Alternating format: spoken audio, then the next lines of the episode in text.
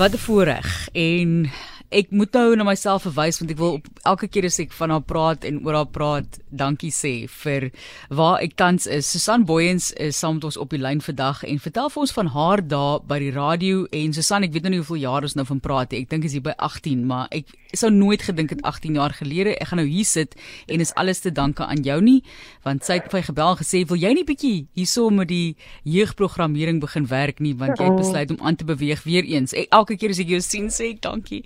Welkom Susan. Baie dankie liewe Martelies en liewe Johan Rademan. Ag, julle stemme is van my gunsteling stemme in die hele wêreld. Ek veel geluk hier by RSG. Wat 'n ongelooflike prestasie. En Martelies, ek is bly jy dink jy het 18 jaar. Ek het in die jaar 1990, 2 Januarie 1990 by RSG begin. Toe sit nog so nattig by die ore 23 jaar oud.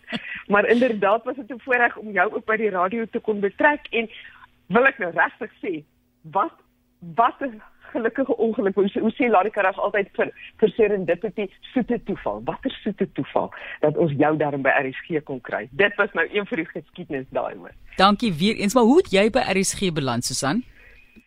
Ek eh, was in die laat 80er jare student aan student aan die Universiteit van Pretoria met 'n um, ongelooflike brabade begin drama so wat redelik gou agtergekom dit dalk nie die loopbaan vir my nie maar wonderlike stemdosente gehad.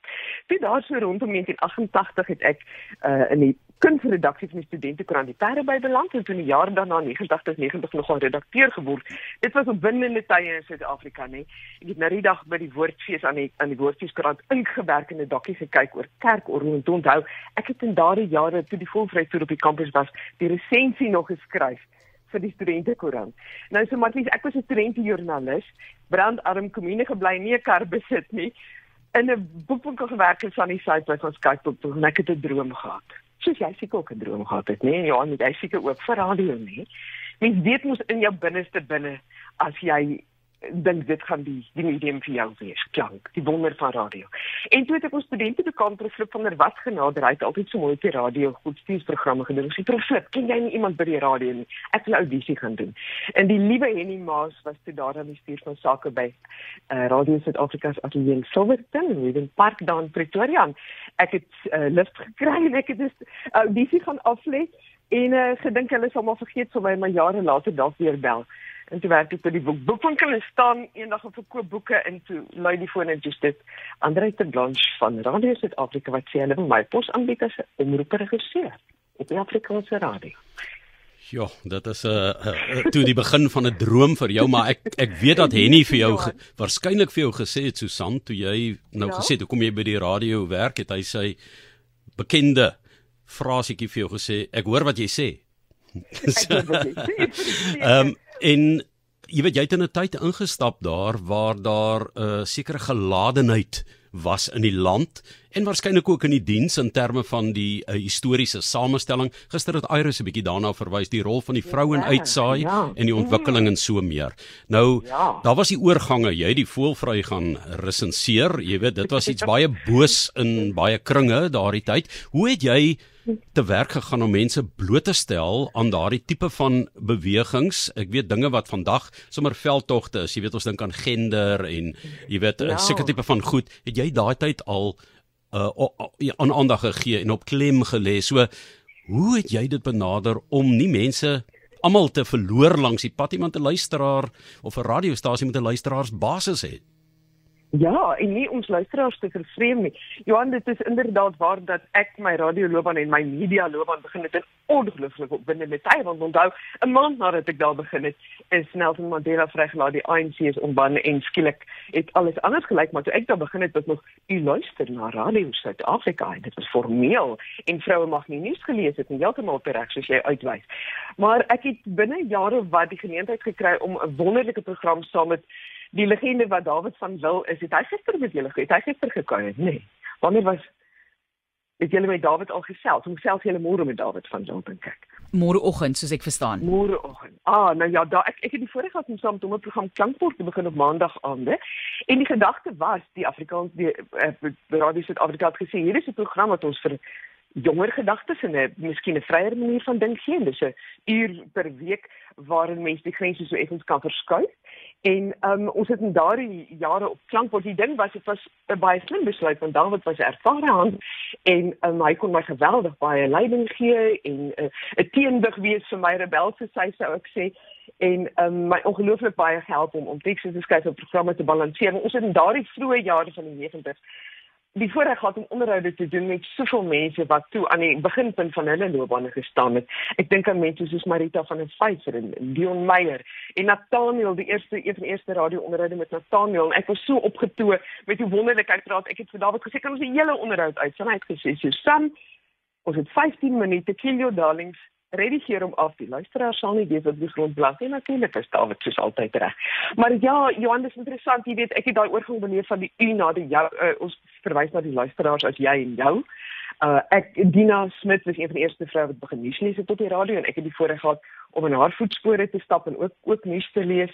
Um ek het nou die dag by die uh, by die woordfees is daar 'n dokumentêre fliek oor kerkorgel gewys wat nie van definitief gemaak het wat nou in November op kyk net uitgaan en ek het die resensie daarvoor gaan skryf. En toe ook nogal daarvoor gehoor gesê ek onthou die dae toe die uh, eetkreef album amper al die liedjies daar verban was op die SAK en dit op die plaat uitgegriffel was asof dit nooit weer gespeel kan word nie en ek moes geskrewe vertoorig om elke liedjie uh ontband te kry om elke liedjie wat verbied was op die radio te mag speel jy weet so ons het ons het moeite gedoen om om die om die grense af te breek sonder om kyk ons luisteraars te vervreem nie. Ja, jy het ook 'n uh, dokumentêr gedoen het ek Blou Planeet of ja, so iets ek as blou ja, ja, ja oor Kerkkorrel. Oor oor hom. En en so sy ongelooflike seun Ruben in hierdie dokumentêr vertel. Hy was so privaat. Dit was moeilik om met hom 'n uh, onderhoud vir die dokumentêr te doen, hoor. Ek roem my daarop ek het natuurlik in later jare nou by TV beland en en nog jy weet honderde aan die nie duisende onryde my lewe al gedoen en kyk oor veral die was een van die moeilikstes want hy was uiters privaat en skaam en bang eintlik oor sy lewe en loopbaan nie. Ja maar dis natuurlik die uitdaging van radio. Ek hoef julle nie te vertel nie. Julle twee is meesters op daai ja maar jy het ook Johnny Clegg ontmoet. Dit moes 'n besondere ervaring gewees het. Ja nee verseker maar ek probeer nou dink ek weet altyd nou mense mense wat wat uitstaan uitstaan Johan. Miskien is dit te gelykertyd die groot name wat 'n mens onthou, maar aan die ander kant ook ons luisteraars nie, die gewone mense wat myself nou nog nou al die jare nog raak loop, miskien by 'n fees of of iewers by 'n boekbekenstelling en dan sê hulle laat aan na mense geluister het en hoeveel jy hulle beteken het. Ehm um, dit is amper half wil ek sê die ding van radio daardie intimiteit, die persoonlike aanslag, die feit dat jy met een mens op 'n slag praat wat ek as mense my nou nog nader as jy word ek radio omroep wat is die geheim dan sal ek sê dis net daardie die eenvoud daarvan ja. praat met een mens op 'n slag Susan, die pere by, hy toe sy lollery laat staan, jy's toe SAK toe, jy het kom werk ja. by die as joernalis, het jy kom werk as 'n as 'n uitsaaier, uh, wat ook 'n ja. vorm van journalistiek kan wees of programmaker en ja. toe het jy baie TV-aanbieding gaan doen en jy het ook jou journalistieke loopbaan voortgesit. Wat is dit die meeste van radio wat jy mis? Ongenigtig, elke liewe dag van my lewe, um, alles. Ek dink die die voorreg om gesprek met musiek te kan komplementeer. Uh, jy weet as as ons nou as ek sou skryf miskien vir die koerant, ek werk deesdae as 'n senior taal en feiteversorger by die koerant en is heerlik want al daai algemene kennis uit my radio daar kom nou baie handig van pas. Maar ek dink 'n mens mis daar's net iets aan klank selfgestroop van die beeld wat volgens my die magtigste ding op aarde is om mense te kan roer met die klank van die stem, die emosie in stem en dit dan uh dit wat aan te vul of te kontrasteer met musiek byvoorbeeld dit was van die lekkerste dinge. Sien nou maar ek doen 'n onderhoud met um met Stef Bos en en ons praat en ons vuur en al en dan gee jy so oomblikie spasie en asemhaal dan speel jy een van sy liedjies en dan wat dit aan jou doen as radioluisteraar is net onherhaalbaar in enige ander medium op aarde en ek mis dit. En jou hoogtepunt in die uitsaai? Jogg, my hoogtepunt in die uitsaai. Wel ek wil sê my laaste punt was dat ek net nooit so 'n program aangebied het nie Johan Rademan. Dit het so in ons sterre mense dit nooit gebeur nie. En ek beny maar te lees tot vandag. Ek weet ek weet uh um jy weet julle twee is ook vir mekaar bedoel maar dit was dis dis nogal iets waar ek spyt is en Marlies wat ek ook nooit saam met jou eintlik kon uitvaar nie. Miskien miskien kry ons nog eendag kans maar ek hoogtepunt in die in die radiojare sjoe. Um Ek sou sê die hoogtepunt was om 'n program so klankbord te kon doen en in die eerste sê maar 5 jaar van die 90s toe soveel in die land verander het daar te kon wees. En en letterlik miskien so 'n bietjie die agenda te kon help bepaal en mense wat definitief tevore nie stem gehad het nie van ons Afrikaans sprekende bruin landgenote byvoorbeeld op die radio te kon plaas sonder voorbou en gemaklik te maak en net so daardie net te verbreek van wie ons as Afrikaans sprekende gemeenskap is.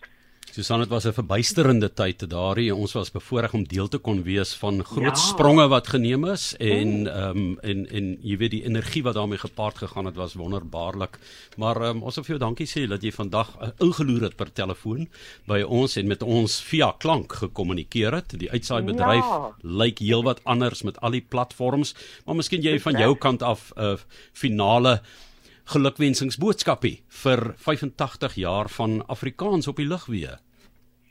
Ja, uh, baie dankie vir die geleentheid om dan afsluitingswoord te gee. Ek wil net sê, um, ek is nie 'n glas half vol mens nie. Ek is nou glas half leeg mens nie. Ek is 'n mens wie se glas oorloop.